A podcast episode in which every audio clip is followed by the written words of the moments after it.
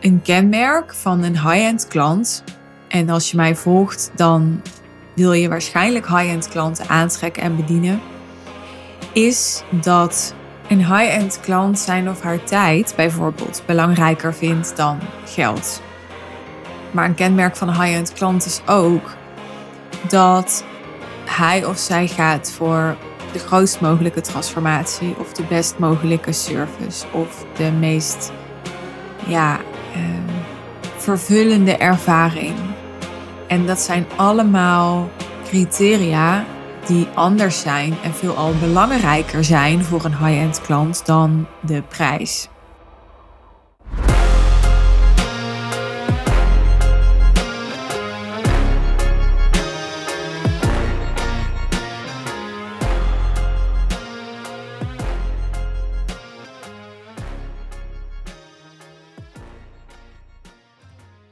Ik wil in deze aflevering de vraag voor je beantwoorden. Wat kun je doen, wat wil je doen wanneer een lead jou vroeg in het salesproces en misschien zelfs wel bij een van de eerste contactmomenten die je met hem of haar hebt, vraagt naar de prijs, de investering van je aanbod, van je dienst, van je coaching. In ieder geval vraag naar je prijs. Het is een vraag die ik vaak heb gekregen van klanten in de afgelopen jaren. Dus het leek mij wel eens uh, tijd om er een aflevering over op te nemen. En nu er weer een klant was die mij specifiek deze vraag stelde, ben ik het ook echt gaan doen. Uh, ze vroeg mij, ik heb een lead die is ingegaan op mijn uh, connectieverzoek op LinkedIn en geïnteresseerd is, maar ook meteen in het eerste bericht vraagt naar kosten.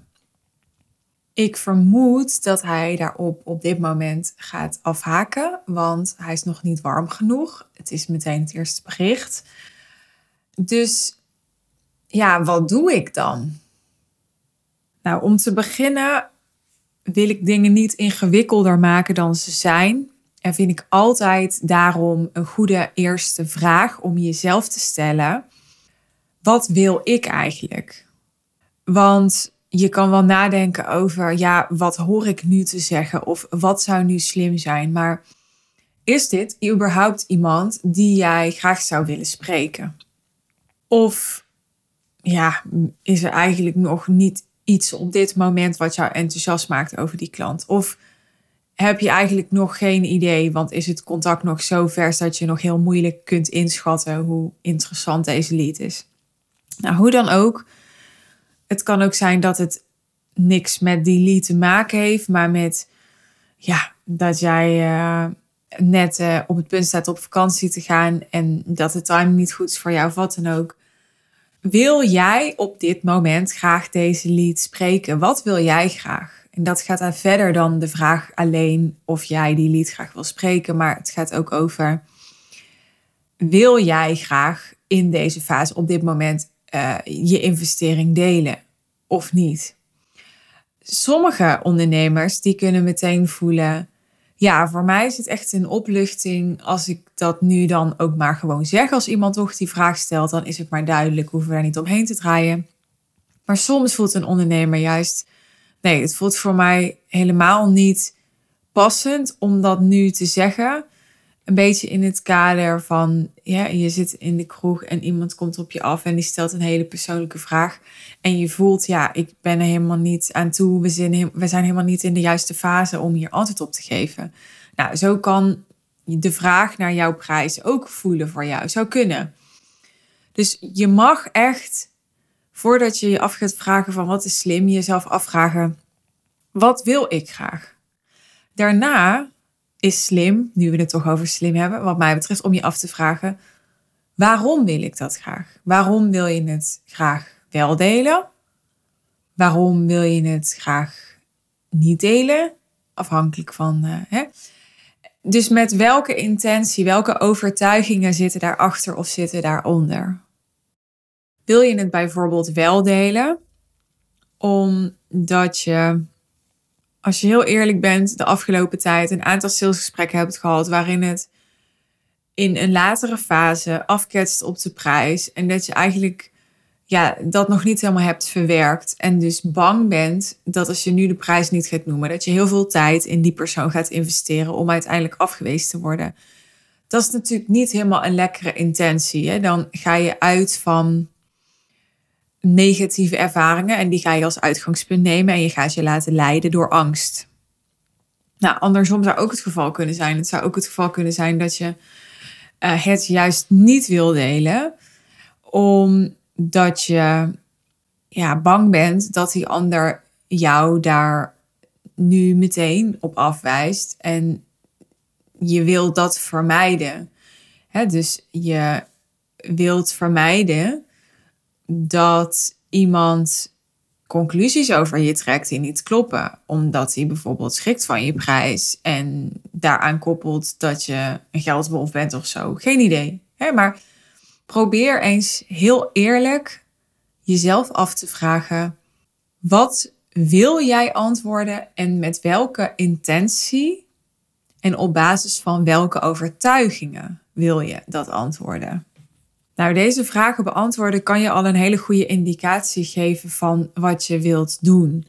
Want je snapt zelf wel dat je wilt antwoorden op basis van overvloed en niet geforceerde overvloed, hè, maar echt op basis van het gevoel en de belichaming als er nu 25 klanten voor me in de rij stonden. Wat zou ik dan antwoorden? Dat is sowieso een hele mooie vraag om je ook in andere situaties af te vragen. Nou, los daarvan. Mijn ervaring is, en misschien heb jij ook die ervaring, misschien heb jij een andere ervaring, dat het niet zo'n heel goed teken is. Over het algemeen, er zijn altijd uitzonderingen als iemand direct naar de prijs vraagt. Want vaak is dat een indicatie van dat iemand de prijs een hele belangrijke, zo niet de belangrijkste factor vindt in het maken van zijn of haar keuze. Hij of zij ziet de prijs, als het de eerste vraag is die hij of zij je stelt, als een soort filter oké, als de prijs acceptabel voor me is, dan ga ik verder onderzoeken. Als de prijs niet acceptabel voor me is, dan hoef ik niet verder te onderzoeken. Dat betekent dat de prijs super bepalend is. En dat is meestal niet zo'n heel goed teken, want een kenmerk van een high-end klant, en als je mij volgt, dan wil je waarschijnlijk high-end klanten aantrekken en bedienen is dat een high-end klant zijn of haar tijd bijvoorbeeld belangrijker vindt dan geld. Maar een kenmerk van een high-end klant is ook dat hij of zij gaat voor de grootst mogelijke transformatie of de best mogelijke service of de meest ja, ehm, vervullende ervaring. En dat zijn allemaal criteria die anders zijn en veelal belangrijker zijn voor een high-end klant dan de prijs. Tegelijkertijd ben ik groot voorstander van niet te makkelijk aannames doen. En in elke fase van een salesproces, maar ook van een samenwerking met een klant, zoveel mogelijk de houding van een onderzoeker aannemen. Je kunt gelijk de aanname doen. Ja, als iemand nu naar de kosten vraagt, dan, uh, ja, dan is het iemand die geen geld wil uitgeven. Maar dat hoeft natuurlijk niet zo te zijn. Voor hetzelfde geld vraagt iemand naar de kosten omdat hij denkt: ja, als het te goedkoop is, dan is het niet voor mij. want mensen kunnen ook andersom op basis van prijs selecteren. Dat is iets heel persoonlijks. En hoe minder je daarin invult en vooroordelen hebt, hoe nou, niet alleen groter de kans dat je geen hele interessante klanten misloopt, maar ook hoe meer je leert.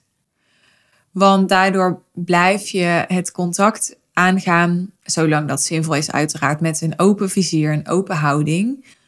En als je open bent en ontvankelijk bent voor wat iemand met je deelt, dan kan je daarvan leren. Dan geeft je dat feedback waar je wat mee kan voor je bedrijf, voor je marketing, voor je salesproces. Wat je dus zou kunnen doen om geen aanname te doen, maar te blijven onderzoeken, is een vraag stellen. Dus bijvoorbeeld de vraag: Ik ben benieuwd, eh, wat maakt dat dit de eerste vraag is die je stelt? Je zou altijd zo'n vraag, als het om LinkedIn gaat, in dit geval ging het om LinkedIn, in een voiceberichtje kunnen sturen. Dat kan op LinkedIn ook. Het voordeel daarvan is dat als iets zwart op wit staat, kan het veel aanvallender overkomen dan dat iemand je intonatie kan horen, je stem kan horen. Als jij met zachtheid en liefde zo'n vraag inspreekt, dan zit daar een heel andere energie achter dan uh, hè, wanneer je dat vanuit irritatie doet. Dat snap je ook. Ik geloof er overigens in dat mensen dat ook wel door getypte tekst kunnen voelen. Hè, dus ik geloof ook al dat die energie voelbaar is en tegelijkertijd niet voor iedereen en veel minder makkelijk. Dus je maakt het jezelf vaak veel makkelijker en je behoudt vaak veel eenvoudiger de verbinding met iemand als je het contact persoonlijker maakt. Bijvoorbeeld zo dat iemand je stem kan horen. Als ik zo'n vraag krijg en ook wel gezegd heb in het verleden, ik krijg die vraag nu bijna nooit meer, omdat mensen misschien al weten wat mijn prijzen zijn. Of nou, ik weet eigenlijk niet, omdat dat toch misschien voor mensen die ik nu aantrek minder relevant is. Maar in het verleden heb ik wel eens die vraag gekregen. En dan was ik altijd maar zo eerlijk en zo transparant mogelijk. Dus dan zei ik bijvoorbeeld iets als: Nou, dat wil ik best wel met je delen, maar ik doe dat over het algemeen in een gesprek. Nadat wij hebben onderzocht samen of dat het passend is of dat ik jou kan helpen. Want zonder context en zonder ja, dat jij weet wat je daarvoor krijgt en wat die investering voor je kan betekenen, ja, heb je er niet zoveel aan in mijn beleving en naar mijn ervaring om de prijs te weten. En dat is ook hoe het is. Er is ook geen woord aan gelogen. Dus dat is wat ik dan vaak zei, of een variant, of een variant daarvan. En ja, daarna merk je snel genoeg of iemand interesse genoeg heeft om dan het gesprek met je aan te gaan. Of niet. En nogmaals, het kan echt, het kan en het mag van jou en jouw situatie en ook de fase van je ondernemerschap afhangen. Ja, waar je voor kiest. En misschien heb je wel meer dan genoeg leads, waardoor je zoiets hebt van ja, ik wil alleen maar met mensen in gesprek als ze echt graag willen. En ja, het echt als een privilege zien om het met mij hierover te hebben. En dat hoef je niet te vinden of te denken of te zeggen vanuit arrogantie.